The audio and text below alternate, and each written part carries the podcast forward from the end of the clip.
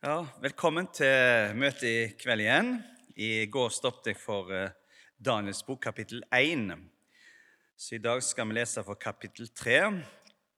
Alltid kjekt å være her på Frøyland og dele Guds ord. Det er jo Lys over land som har disse møtene denne helga. Og Lys over land er jo et veldig flott navn på den lille organisasjonen. Og ljos over landet strømde, synger vi. Ja? Lys over landet. Jeg synes Det er en veldig sånn god tone i det navnet på den uh, lille sammenhengen som virker med misjonsarbeid i Norge og i Senegal og India. Er det andre land? Og Indonesia. Så det er litt av noen land langt unna. Jeg har fulgt med litt på Eivind Flå. Han har jo vært mange reiser i India og forteller det kommer jo fort 5000 mennesker på møtet. Det er jo en, en enorme tall. sant? Så det er mange som får høre Guds ord gjennom lys over land rundt om i verden.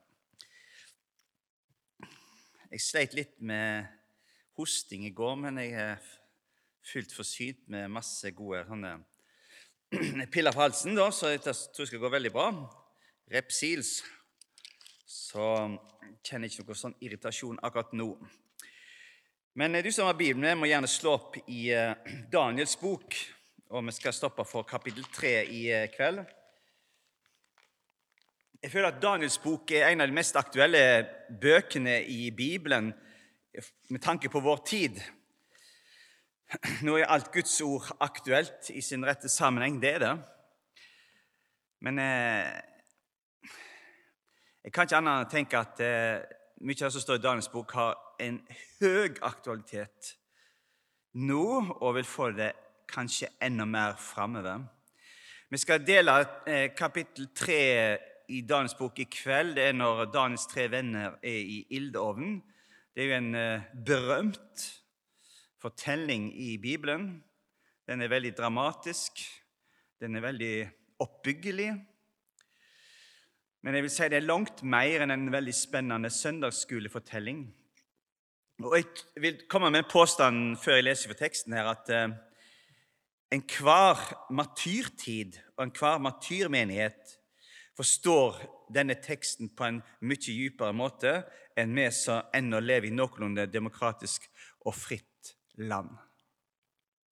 Men vi ser at det vonde antikristne krefter på frammarsj, og vår frihet på mange områder er trua òg i Norge. Tenker på vår trosfrihet, vår ytringsfrihet og, og i den forbindelse vår trykkefrihet. Eh, jeg vil påstå at vårt demokrati har tapt sin kraft i takt med avkristningen. Og Det vi skal lese nå i kveld, det handler om religiøs, religiøs ensretting og keiserdyrkelse. Negativt sett så handler det om de to tingene, men først og fremst om at Herren, Jesus Kristus, er med sine i ildovnen. Vi ser at det er sterke tendenser til ensretting i dag. Du må gå i takt med det som flertallet mener rett. Du må gå i praitog. Eller så krenker du visse seksuelle minoriteter sine rettigheter og sjøloppfatning. Og et veldig press der. Og jeg må si, Da sier jeg rett fra talerstolen jeg likte ikke det vanvittige presset som vi fikk til å måtte vaksinere oss. Jeg følte min frihet var tatt vekk. Kan ikke jeg velge om å bli vaksinert eller ikke? Sånn? Veldig masse sånn press. Du må gjøre som alle andre. Du får ikke tenke og vurdere sjøl. Det er et veldig press på det i vår tid. Og da tar Daniel 3 opp. I går så stoppet vi for Daniel 1, eh, for dere som var her da. og Vi hørte om hvordan eh, Daniel og hans tre venner de skulle babyloniseres. De var ført fra jødeland, judaland, til Babel, til det mektige verdensriket. Det mektigste av alle verdensriker. Riket av gull, som vi hører senere i, i Daniels bok.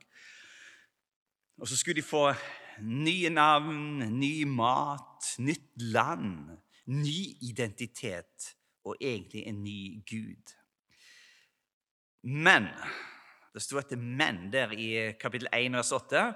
Men Daniel, han satte seg føre at han ikke ville gjøre seg urein med kongens fine mat og med den vinen som kong Nebukadneser drakk.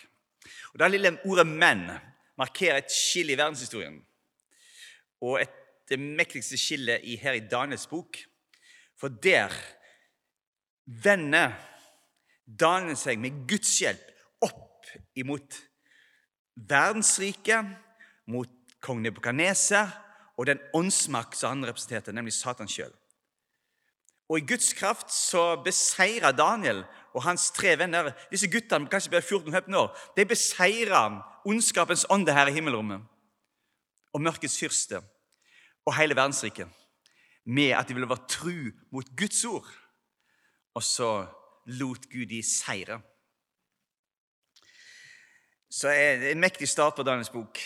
Er vi hopper, over kapittel to. Der står det om eh, Nebukadnesers første drøm. og Daniel han tyder både drømmens innhold og dens ja, Han forteller både drømmen og dens tydning. og Det er jo en drøm som inneholder en profeti om Guds rike og Messias rike, om nådens rike. Og Daniel han fikk være med og se inn i å endre verdenshistorien. Ja, han og hans tre venner de var misjonærer i Babylon for Nebukadneser, ikke bare for han, men for hele folket, hele verdensriket. Og det ble en stor frukt av deres liv, men Gud skal ha æren. Herren var med Daniel og hans venner, og Daniel og hans tre venner var med Herren. I kapittel 2 i Daniels bok kan vi også lese at eh, Nebukadneser gjorde Daniel til en stor mann i Babel. Han ble guvernør over landskapet i Babylon, og så ble han òg øverste leder for Babels vismenn. Og tenk, denne gudfryktige, purunge mannen, han fikk lov til å bestemme over disse veldig kloke. Vi må ikke undervurdere de som levde før. De var klokere enn oss. De var sterkere enn oss. De hadde mindre genfeil i kroppen enn oss. Andres Årikstad og Joga Alienes har lært meg at for hver generasjon som blir født, så oppstår 30-60 nye feil i kroppen. Så det er en degenerering faktisk ettersom tida går. Vi tenker motsatt. Vi blir smartere, sterkere klokere. Nei da. Vi er så sterke på en måte fordi vi har fått så god mat, og ikke minst har vi drukket masse melk sant? som har hjulpet på helsa vår. Men de som levde for um, ehm, 2600 år siden, det var utgangspunktet sterkere og klokere enn oss. Vi må ikke undervurdere dem. Og disse kloke og vise, men villfarne menn ble Daniel sjefen for. Og tenk for et nederlag for Satan og hans hær og hans redskaper. Her blir gudfryktige Daniel han blir den øverste vismann i verden. Og med hans eh, guddommelige visdom og guddommelige innsikt og med Den hellige ånd som var i hans hjerte, så fikk han prege hele det babylonske verdensriket, riket av gull. Det ypperste av de alle fire verdensrikene som Daniels bok taler om. Kristi visdom skulle prege vismennene i Babel.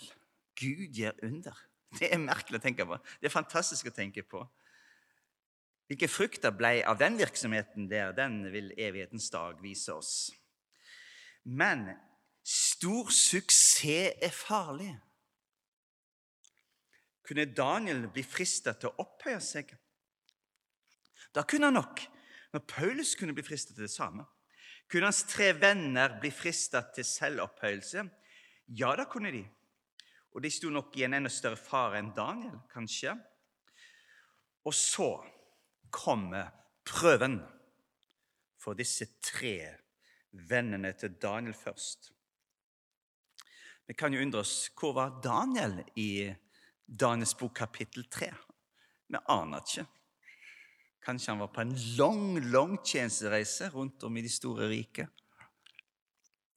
Han var i hvert fall vekke ifra åstedet for der vi skal lese noe. Jeg skal lese deler av Daniel 3. Jeg leser ikke alt, for det er 30 vers, men skal lese utdrag i Jesu navn vers 1. Kong Nebukadneser laget en billedstøtte av gull, 60 alen høy og 6 alen bred. Merk tallene. 60 pluss 6. Og stilte denne opp i Duradalen i landskapet Babel. Så sendte kong Nebukadneser bud til satrapene, stattholderne, landshøvdingene, rådgiverne, skattmestrene, de lovkyndige, dommerne og alle provinsens styresmenn, og innkalte dem til innvielsen av billedstøtten som kongen hadde reist. Der kom satrapene, stattholderne og landshøvdingene, rådgiverne, skattemesterne, de lovkyndige, dommerne og alle provinsens styresmenn. Vi skjønner her er samla hele eliten i riket. Sant? De samlet seg til innvielsen av den billedstøtten kong Nebukadneser hadde reist, og trådte fram for den billedstøtten han hadde stilt opp. Og Herolden, det er han som roper ut budskapet. Og Herolden ropte med høy røst, la nå denne befaling være kunngjort for dere, folk og stammer og tungemål. Så snart dere hører lyden av hornfløyte, sitar, harpe, lutt, sekkepipe og alle andre slags musikkinstrumenter, skal dere falle ned og tilbe gullbildet som kong Nebukadneser har stilt opp. Den som ikke faller ned og tilber, skal i samme stund kastes midt i den brennende ildovnen. Og så skjer nettopp da. Det lyder lyd av instrumenter, og så faller alle på kne og tilber gullbildet Nebukadneser har stilt opp. Og straks, straks etterpå, så er det noen som klager på Daniels tre venner. Så går de og fisler, som sier, sladrer, angir de til kong Nebukadneser, minner han om hans befaling og at de som ikke faller ned og tilber, skal kastes i den brennende ildovnen. Det et slags jordisk helvete de har gjort i stand. Tenk å bli brent i hele en ovn. Og så sladrer disse videre, så sier de eh, der i vers 12 Disse mennene har ikke aktet på ditt bud, konge. De dyrker ikke dine guder, og det gullbildet du har stilt opp, tilber de ikke. Nebukadneser blir oppbrakt og vred. Han tåler ingen avvikelse for sitt bud. Og så er det jo litt rettferdig sans hos han. Han kaller det jo inn til forhør, og så spør han er det med forsett, i vers 14 Shadrach, Meshach og Abenego, at dere ikke dyrker min Gud og ikke tilber gullbildet jeg har stilt opp. Nå vel, dersom dere når dere hører lyden av horn, fløyte, sitar, harpe, lutt, sekkepip og alle andre slags musikkinstrumenter, er rede til å falle ned og tilbe det bildet jeg har gjort, så er alt godt og vel. Men hvis dere ikke tilber det, så skal dere i samme stund kastes i den brennende ilden. Og hvem er den Gud som kan frelse dere fra min hånd? Et forferdelig uanstendig og frekt spørsmål. sant? Shadrach, Meshach og Abenego tok da til orde og sa til kongen og Det er en herlig trosfrimodighet de viser her. De sier til verdensherskeren, som kunne kaste de rett inn i en grusom med døden og bli brent i hjel. De sier vi behøver ikke svare et ord på dette. Det er fint når noen i Jesu navn står opp mot ondskapen. Uten frykt og angst og uro og redsel, sånn som med disse her. Vår Gud, som vi tjener, han er mektig til å frelse oss av den brennende ildovnen, og fra din hånd, konge, vil han frelse. Det er rett i fleisen. sant? Og så sier de, og da har jeg alltid undret meg og vet jeg oppdager hva som virkelig står i Bibelen her. Men hvis ikke, så skal du vite, konge, at vi ikke vil dyrke dine guder eller tilbe det gullbildet du har stilt opp. Ok, hvis Gud berger oss, så gjør han det. Altså, Vi får leve litt til på jord. Hvis ikke så blir vi brent opp, men så havner vi i himlenes rike. Men uansett, Nebukadnesar, vi gjør ikke som du vil. Vi handler ikke mot Guds vilje. Altså, Det er utrolig frimodighet. Hvor har de den ifra? Vi skal komme tilbake til det. Vers 19. Da ble Nebukadnesar full av harme. Og Dere har kanskje sett folk som blir sinte på dere. Hvordan hele fjeset forandrer seg i raseri. sant?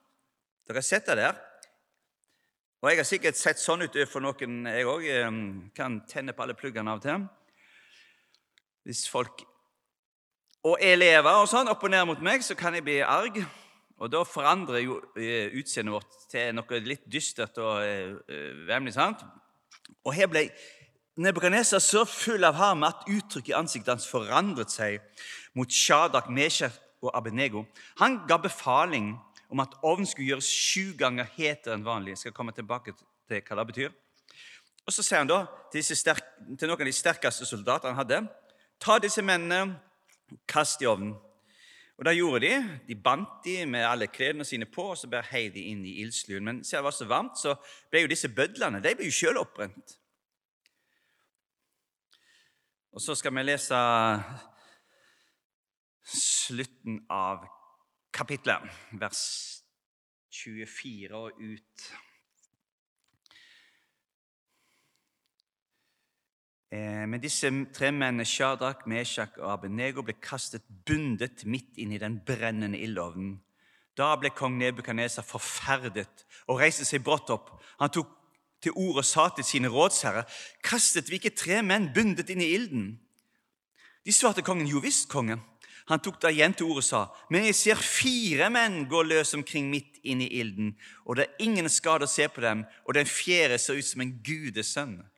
Et fantastisk syn han ser. sant? Men han blir full av frykt. sant? Han må spørre rådsherrene sine. Hvis du skal gi han råd. Da gikk Nebukadneser bort til døren i den brennende ildovnen og ropte Shadrach, Meshach og Abednego, dere tjener for den høyeste Gud, kom ut! Da kom Shadrach, Meshach og Abednego ut av ilden. Satrapene, stattholderen, landshøvdingen og kongens rådsherre samlet seg da. De så at ilden ikke hadde noen makt over disse menneskelige legemer. Håret på deres hode var ikke svidd, klærne deres var ikke skadet, og det luktet ikke brent av den. En komplett, en fullstendig frelse. 110 Da tok Nebukadneser til orde og sa, lovet være Shadraks, Meshaks og Abenegos Gud. Han sendte sin engel og frelste sine tjenere som satte sin lit til ham og handlet mot kongens ord.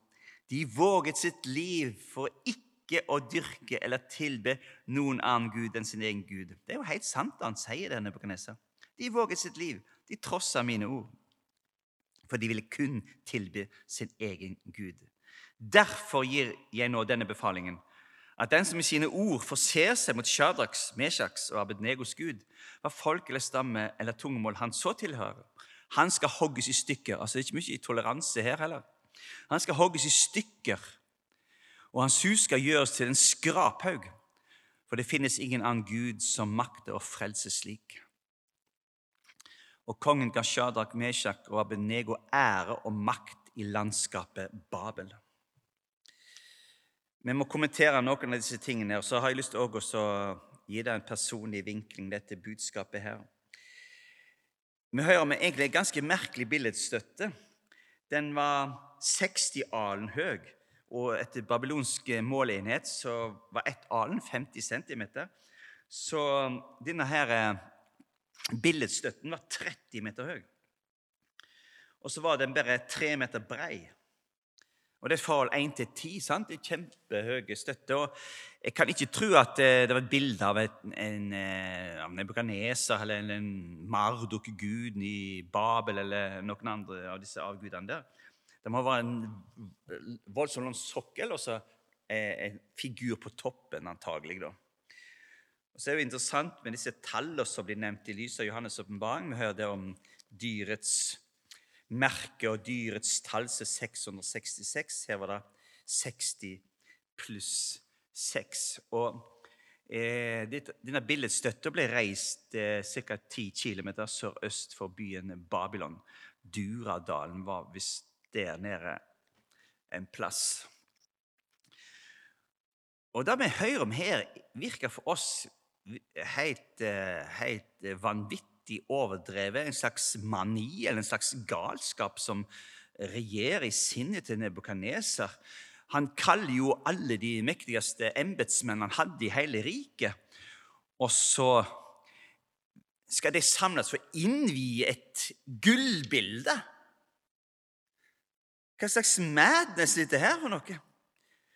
Og så har det en egen herold, altså en utroper, som skal rope ut befalingen som Nebukadneser har kommet med, at alle skal falle ned og tilbe dette gullbildet. Og hvis du ikke gjør det, så skal du dø. Og Her er det en absolutt intoleranse og for å si rett ut, satanisme ute går. Alle skal gjøre det samme. Hvis ikke, så skal du dø. Og Vi kan undre oss hvorfor et sånn vanvittig kategorisk befaling. Hva var hensikten? Jo, det hadde én hensikt. Og Vi forstår ikke det som vi lever i et demokrati og har en lang demokratisk arv. men i gamle dager så var det én ting fyrsten, kongen, keiseren, despoten var redd for. Da var at riket ikke var samla. Hvis det var tendenser til eh, manglende indre samhold i riket, var nokså trua riket innifra, så ble det slått knallhardt ned på. Riket måtte stå sammen, og skulle riket stå sammen, så måtte alle lyde keiseren eller den som satt med makta på toppen. Slik var tankegangen. Det var slik Nebukadnesa tenkte. Og Han ville kontrollere at alle underordna seg ham. Han hadde jo tatt folk fra mange ulike land til Babylon. Han hadde underlagt seg store landområder, og han førte folket, de gir oss i folket til Babylon for å kontrollere de der og bruke de der, sånn som han gjorde med disse fire unge jødiske guttene. Og han tålte ingen opposisjon. De romerske keiserne senere i historien tenkte helt likt. Det var jo veldig mange ulike folkeslag i det store romerske riket. Og alle kunne få dyrke sine egne guder, men, men med ett tillegg. De måtte alle tilbe keiserens bilde eller hans overjeg, hans genius. da. Så Da ble stilt fram på et bilde av keiseren, så måtte de bøye seg og tilbe det. Som en sånn, eh, Det var egentlig en slags eh, Det var en dyrkelse av keiseren. det var det. Men poenget var at alle skulle bøye seg for keiseren og ikke opponere mot han. Det var ei gruppe i Romerriket som var fritatt for denne tilbedelsen av keiserens bilde. Det var jødene. Og De var fritatt pga. sin strenge monoteisme, tro på én gud, som de ville forsvare inntil døden. Og Romerne orket ikke bry med alle jødene i riket. alle der, de skulle bli henrettet fordi de nekta å tilbe keiserens bilde. Så sa greit, dere er fritatt, men ingen andre. Sånn var det. Så Nebukadneser kunne greit tolerere at um, Daniel og hans tre venner tilba Israels gud, men i tillegg så måtte de tilbe hans bilde. Han kunne ikke tolerere at noen satte seg opp mot hans befalinger. Jeg husker vår tidligere helseminister Bernt Høie. Han har jo levd i eh, forhold med en annen mann, sant, i sodomi. Og han sa jo i dagen at vi som tror på Bibelen og følger den, vi måtte forandre vår lære, sånn at eh, vi måtte forsvare det han holdt på med. Og leve i synd og opprør. Sant? Det er jo en demonisk uttalelse. Sånn taler Antikrist. Tåler ikke andres syn. Sant? Vi må forandre vår lære i pakt med tidsånden. Det som vi hører Nebukaneser, en refleks av han. Vi må bøye oss for ondskapen i vår kultur. Gudsopprør i vår kultur. Du må gå i pridetog. Du må gå der. Du kan ikke holde deg unna. Sånn taler den antikristelige ånd, som krever ensretting. Antikrist, som snart vil stå fram på verdensarenaen, han eh, vil vise akkurat den samme intolerante holdning som Nebukadneser viste. Det står i Åpenbaringen 13 om Antikrist, om dyret, som er et menneske fylt av satanisk kraft. Det blir gitt det å føre krig mot de hellige og seier over dem. Det blir gitt dem makt over hver stamme og hvert folk og hvert tungemål og hvert folkeslag. Alle som bor på jorden, skal tilbe det hver den som ikke har fått sine navn skrevet i livets bok hos lammet, som er slaktet fra verdens grunnvoll belagt. Så står vi om den falske profet, som også et menneske som er overgitt til Satan, som tjener Antikrist.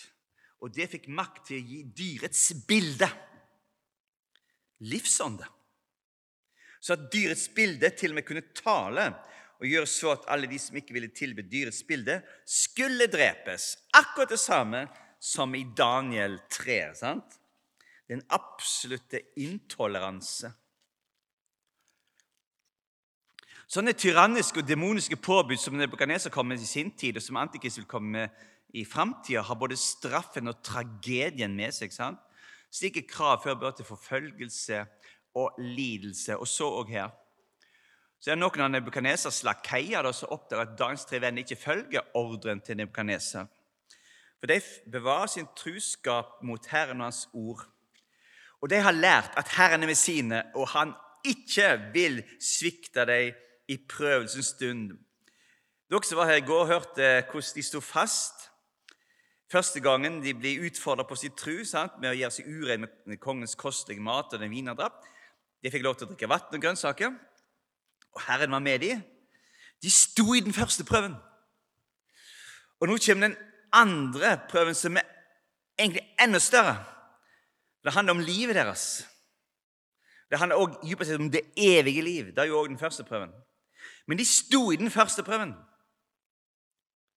Vil de da stå i den andre prøven?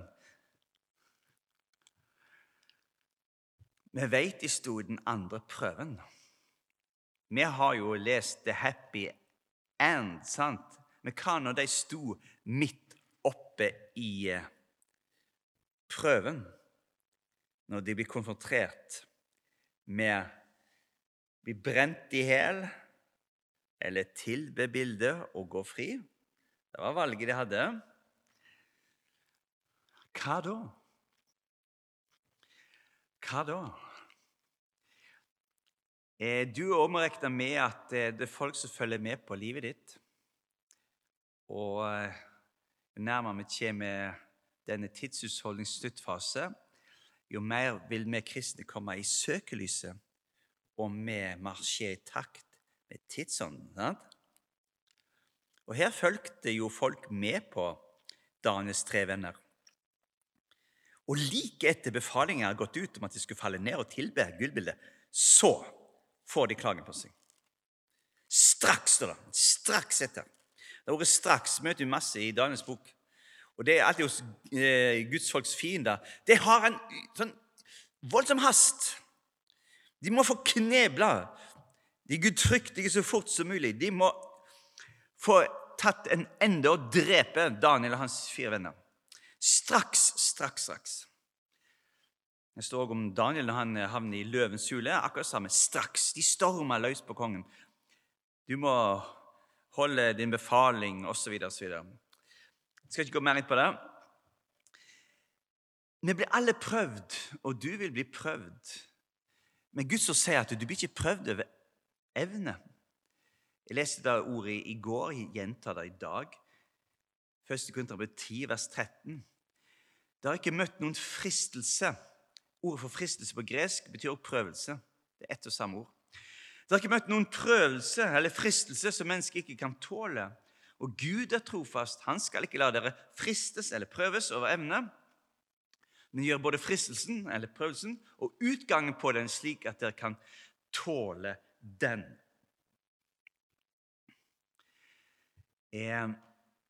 Du vil bli prøvd.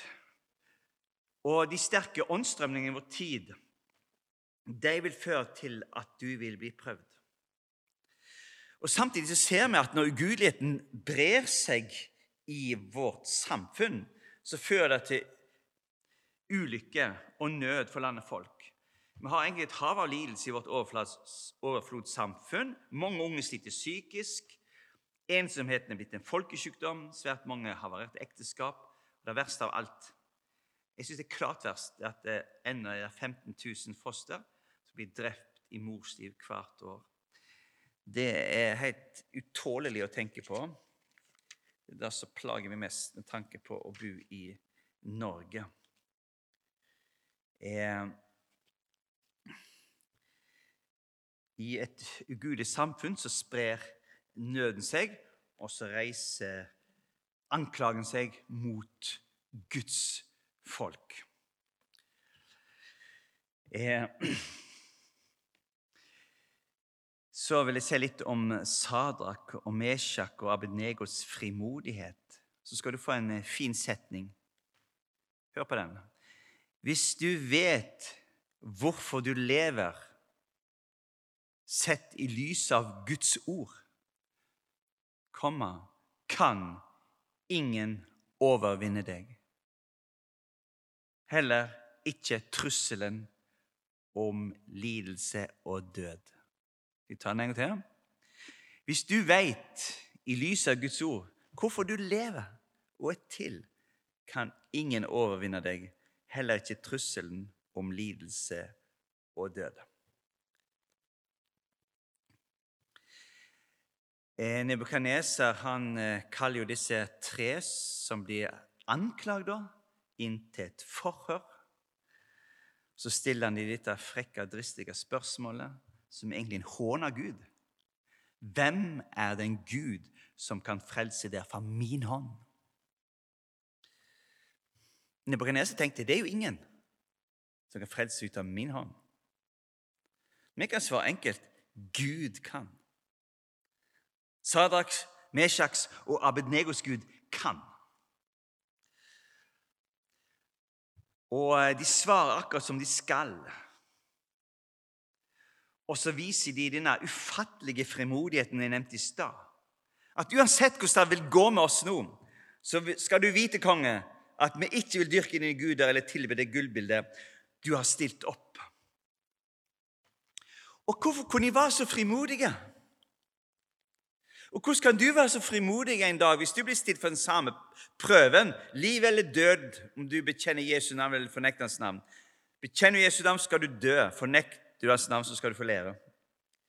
Men du vil òg være fremodig i møte med dine bødler. Om du veit hvorfor du lever i lys av Guds ord. Og har mottatt frelsen i Jesus Kristus. De overlot seg fullstendig Guds hånd.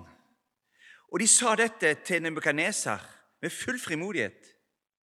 De sa det av kjærlighet til Gud. Hvorfor? Jo, de hadde møtt den sanne Gud i hans nåde og barmhjertighet. Og de hadde gjort sine erfaringer med han. At Gud i himmelen har fullt ut vært å stole på. Da hadde de lært i kapittel 1, som vi leste om i går, hvordan Herren var med dem. Og Så hadde de hørt profeten Jeremias i Juda før de ble bortført. Så hadde Guds ord fått så rot i hjertene deres. Så bar de med seg ordet om nådens Gud, løftenes Gud, Israels Gud. Han som hadde båret folket sitt på ørnevenger, som hadde fritt ut av Egypt ved lammets blod. Alt dette visste de. Og så fikk de så inderlig bruk for det i Babel. Jeg sa det i går, jenter i dag. Tenk disse fire unge guttene, 14-15 år. De beseira hele det babylonske verdensriket. Og Nebukadneser og Satan som sto bak han igjen. Hvorfor beseira de alt og alle, disse tenåringsguttene? Jo, fordi de tok vare på Guds ord. Så tok Herren vare på dem. Det kan vi ikke se for smått på. Og Ironien i hele denne fortellingen her i Daniel 3 det er at eh, de soldatene som skulle kaste Daniels tre venner i ilden, de ble sjøl drept. Den som graver en grav for andre, faller sjøl i den, står det jo i ordspråket. Guds tjener gikk fri og overlevde, mens avgudsdyrkeren ble drept av den ilden som var tiltenkt de gudfryktige. Eh, eh, Merk den detaljen. Altså, han, eh, Nebukadnes sa at ovnen skulle gjøre sju ganger varmere enn normalt. Jeg er veldig glad i sjutallet. Det er et fantastisk tall. Sjutallet er tallet for Guds forhold til verden. Guds tall er tre, og verdens tall er fire. Tre pluss fire er sju. Det kan også stå for fullkommenhet. Tallet sju. Du finner i hele Bibelen. sant? Fra skapelsesfortellingen og, og ja, uendelig mange plasser. Skal ikke si mer om det, men tallet sju er viktig. Men ironisk nok så var i babylonsk gudelære så var sjutallet demonene sitt tall. Tenk for en vanære av det flotte tallet, som er Guds oppfinnelse som alt annet. Sjutallet, demonenes tall, ilden sju ganger varmere enn normalt. Og I dag lå det en symbolikk. Daniels tre venner skulle ofres til Satan i den brennende ilden.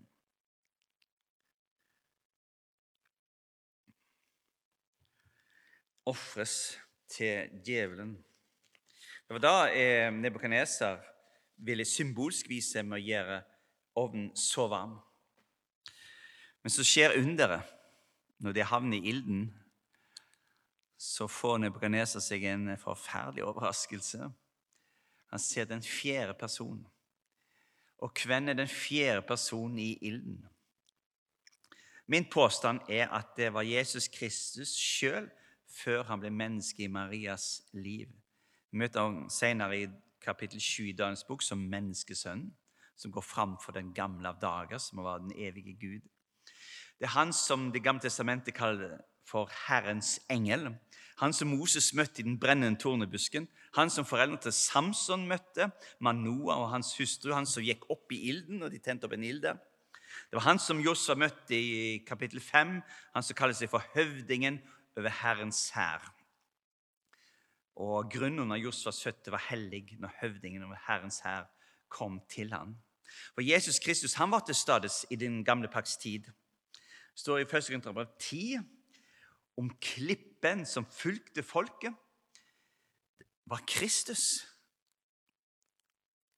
For jeg vil ikke, brødre, skrive ned, at dere skal være uvitende om at våre fedre var alle under skyen og gikk alle gjennom havet. Alle ble døpt til Moses i skyen og i havet. De åt alle den samme åndelige mat, og de drakk alle den samme åndelige drikk, for de drakk av den åndelige klippen som fulgte dem, og klippen var Kristus.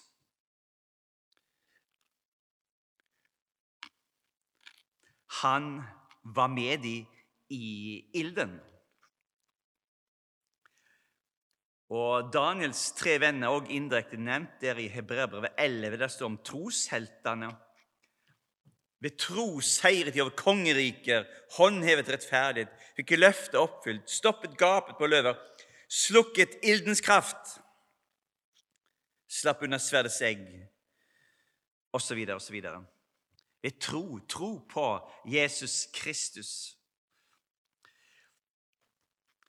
Eh, en gudesønn vil gå med deg i ildovnen. Kanskje har du gjort som jeg, frykta for eh, tortur og død i endens tid for en tro på Jesus Kristus. Det er godt å stoppe for at Jesus Kristus vil gå med deg i ildovnen om du må inn i den. Sånn som Jesus Kristus var med sine tre venner i ildovnen i Daniel kapittel 3 for 2600 år siden, så vil han være med deg òg i endens tid, om du skal inn i ildovnen. Det er kanskje noen som har lest den der boka som heter 'Ildovnen', som kom ut på Lunde forlag for en del ti år siden. Det er ei søster i Herren i Etiopia da, hun ble tatt av kommunistene, ble ført inn i ei celle for å bli torturert. De hengte henne opp etter armene, og så skulle de dalge løs på henne. Eh, hun så at de var klare til å slå, men hun kjente ikke ett slag. Jesus kom der og favna rundt henne. Hun merka ingenting til slaget som traff henne. Jeg har møtt denne kvinnen på fjellet. Hun ble skada av mishandlingen. Hun halta. Kroppen tålte ikke den omgangen med alvorlig pryl som hun fikk. Men hun kjente ingenting. Jesus var med henne i denne forferdelige ildovnen. Kjenner dere Hamida Valand i Egersund? God søster i Herren. Hun har fortalt om dette sjøl i dette bladet til Delk sitt underveis. Hun har fortalt det til meg og min fru mange ganger. Vi har hatt henne på besøk og har fortalt sitt vitnesbyrd til mange som er invitert inn i heimen vår. Hun er utsatt for en rekke drapsforsøk. Hun forteller da i underveis, bladet Delk, hvordan en drapsmann kom inn i hennes eget hus og skulle kvele henne med snor rundt halsen. Hun roper ut, 'Lord, help me and save this man'. Og I samme øyeblikket blir denne personen kasta flere meter gjennom lufta. Og Han trygler om å få slippe ut. Hun slipper han ut, og han flykter av gårde. Senere møter hun denne mannen på toget. Han kjenner hun igjen, og han trygler om tilgivelse. Når hun ropte ut 'Lord, help me and save this man', så så hun en lysende skikkelse der stod JHVH. Jeg er, jeg er, eller navnet på Gud, i panna. Så han har ett sverd i hver hånd. Han så den oppstandende Jesus Kristus, og Jesus grep inn og berga Hamida, og drapsmann nede i Egersund. Hun var i ildovnen, og Jesus grep inn. Og Du skal regne med at han ville gripe inn òg i ditt liv om du skal oppleve noe veldig dramatisk som jeg har fortalt om nå. Underet skjer her i Daniel 3. Absolutt ingenting blir brent på Daniels tre venner. Ingenting! De opplever en fullkommen oppfyllelse av ordet i Jesaja 43, vers 2. Når du går gjennom ilden, skal du ikke svies, og lun skal ikke brenne deg. Romer 8. Hvem skal skille oss fra Kristi kjærlighet? Trengsel eller angst eller forfølgelse eller sult eller nakenhet eller far eller sverd? Som skrevet står, for din skyld drepes vi hele dagen. Vi blir regnet som slakte for. Men i alt dette vinner vi mer enn seier ved Ham som elsket oss. Daniels tre venner de opplever en komplett frelse for den brennende ildovnen en fullstendig frelse fra et jordisk helvete. Og Du som tror på Jesus Kristus her, du skal ikke havne i ildsjøen. Du skal ikke havne i den andød. Du blir frelst fullstendig fra den ved trua på Jesus Kristus. Og Jeg har lyst til å si litt om eh, at frelsen den tilhører vår Gud. Vi kan lese da i Åpenbaringen 7, om eh, den store hvite flokk at de sier at frelsen tilhører vår Gud. Og det er Gud som har tilrettelagt og i alle deler fullført frelsen for deg. Komplett og fullstendig utenfor deg. Og du, hør da, du kan ikke ødelegge Jesu frelsesverk med din synd. For frelsesverket er Guds. Frelsesverket er Jesus Kristus sitt. De fullførte det. De eier det og de gir det til hvem de vil. Og ingen av de som mottar frelsen, kan ødelegge frelsen. Den tilhører Gud. Og hør, du kan ikke ødelegge det Gud har gjort i sin sønn, med en eneste av dine svikefulle, barnslige, tåpelige eller purpurrøde synder. Du kan ikke det. For frelsen er grunnlagt på mer solid materiale enn det som er i deg. Det er tufta på Jesu Kristi liv og blod, som har den aller sterkeste kraft. Det er jo derfor vant troen dypest sett den eneste synden som kan stenge et menneske utenfor Guds rike. Så frelsen Jesus Kristus den kan ikke du ødelegge med din synd. Forstår du hva jeg vil fram til? Sant? Vi tenker nei, nå falt jeg igjen, jeg er så svak. Nå har jeg ødelagt alt det sammen. Du har ikke det. Gå til Jesus med ditt, din elendighet og din feighet og dine fall Bekjenn det åpent. Han renser deg. Jesu blod renser deg fullkomment. For frelsesverket det er like kraftig til evig tid. Sant? Og det ligger i Gud. Det er hans verk. Det er hans frelse som du får del i ved trua på Jesus. Ja, jeg må gå inn for landing. Eh, det, det er veldig rikt eh, å tale om disse tingene her. Eh, litt til slutt om Nebukadnesers endrede holdning. Han er jo en mann som kan snu på en femøring.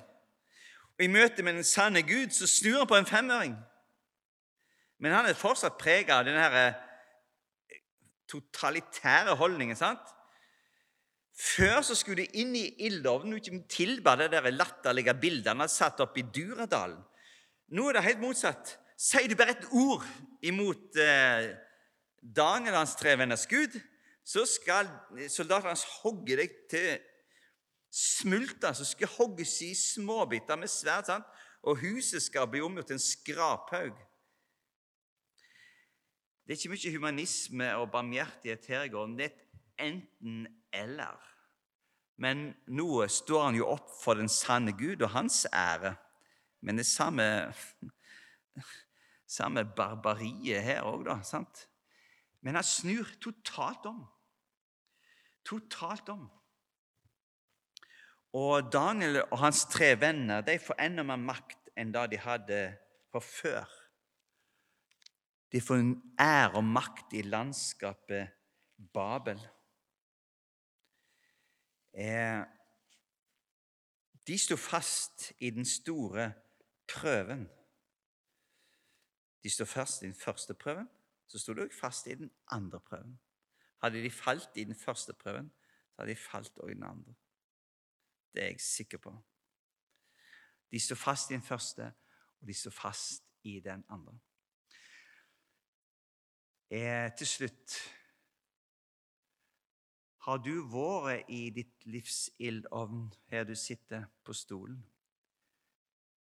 Har du opplevd forferdelige ting? Jeg som står her, har opplevd forferdelige ting.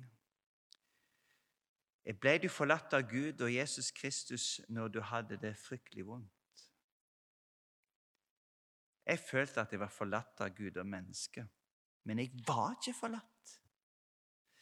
Du kan føle deg forlatt, men du var ikke forlatt. Det er bare én som fullt ut har vært forlatt av Gud. Det var han som ropte ut på Golgata kors. Min Gud, min Gud, hvorfor har du forlatt meg? Guds kjærlighet forlot Jesus Kristus, og Guds vrede rammer ham. Det er det som er fortapelsen. Guds vrede. Gud holder sin nåde kjærlighet borte, og så er det kun hans vrede og dom som er over den fortapte. Og Jesus opplevde fortapelsen for at du skulle slippe å oppleve den. Og Du som har vært ditt livs ildovn, og som tror på Jesus Kristus Du var ikke forlatt. Midt i stormen og smerten og angsten så var du ikke forlatt. For Jesus sa jo til sine disipler og se, jeg er med dere alle dager inntil verdens ende. Eh, det er jo lett å kanskje si i etterkant av livskrisen av ildovnen hvor Jesus Kristus var med meg. Det er ikke lett å bekjenne midt i smerten, i lidelsen, i angsten. Sant? Men da kan jeg si Jesus forlater ikke deg i angsten og smerten. Han har jo sagt at han er med alle dager. Eh, kjenner du folk som opplever stor lidelse, så kan du få gå til dem og så være med og bære dem gjennom lidelsen. Da trenger vi hverandre som aldri før. Når jeg opplevde min store lidelse, så måtte jeg be min fru lese evangeliet for meg igjen og igjen. Lese sakte og tydelig. For jeg følte meg forlatt. Men jeg var ikke forlatt.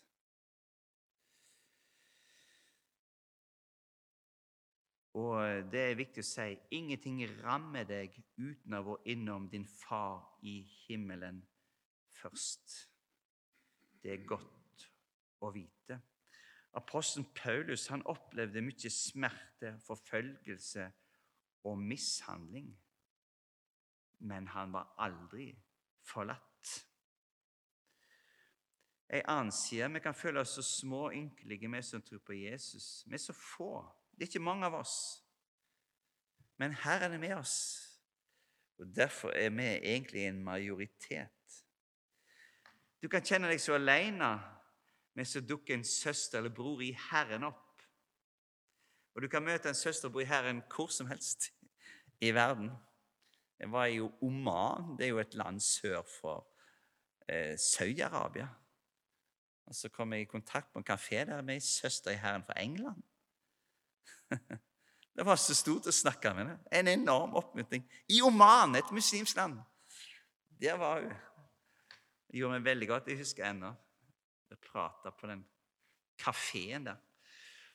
Ei søster Herren dukker opp på den mest utenkelige plass.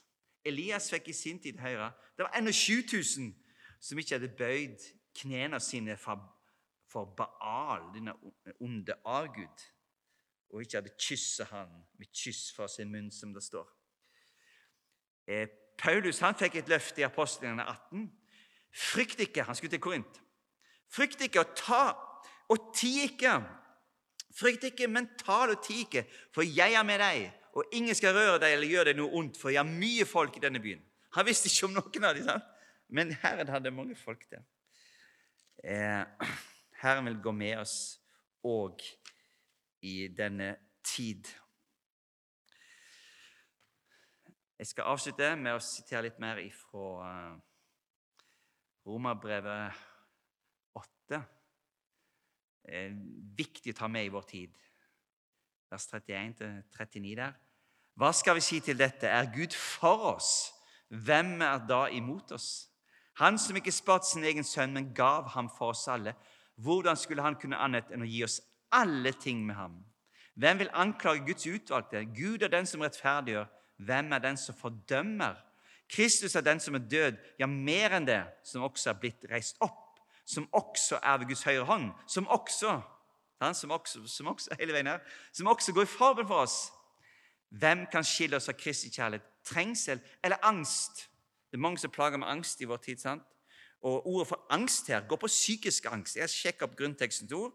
Og Ordet for angst betyr angst eller torturerende innelukkethet. Det er da de kjenner på de som har angst. Angsten kan ikke skille Guds barn fra Kristi kjærlighet.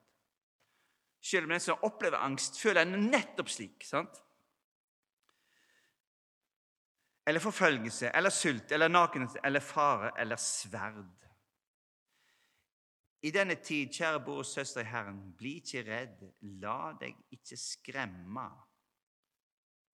Du kan få ta til deg løftet som ble gitt til Israelsfolket. Frykt ikke, for jeg er med deg. Se deg ikke engstelig om, for jeg er din Gud. Jeg styrker deg og hjelper deg og holder deg oppe med min rettferds høyre hånd. Det er et mektig ord, sant? En naglemerkt hånd. Med takk og be slutt. Herre Jesus Kristus, du ser det er mange av våre søsken rundt på jord som opplever ildovnen. Rent fysisk. De blir forfulgt, de blir satt i fengsel, mishandla, drept fordi de tror på deg. Herre Jesus Kristus, takk at du vil gå med dine i ildovnen i den siste tid så kan vi ha våre ildovner gjennom livet òg, der vi føler alt er tapt, og alt er håpløst, og alt er vondt, og alt er umulig. Men takk at du er med dine alle dager, og i de ulike ildovner vi måtte møte. Herre Jesus Kristus, la oss få lov til å stole på deg og ditt ord. La oss få ta fortellingen om Daniel og hans tre venner til hjertene våre og leve i budskapet. Du vil gå med oss i ildovnen. Du forlater ikke dine. Vi skal få slippe å være redde, Selv er mange ting som kan vekke uro. For du vil styrke og hjelpe og holde oppe, og i en tid som vår. Og det vil signe alle som kommer i kveld der de får glede seg over at eh, de får høre deg til, og at du er med dem alle dager. Amen.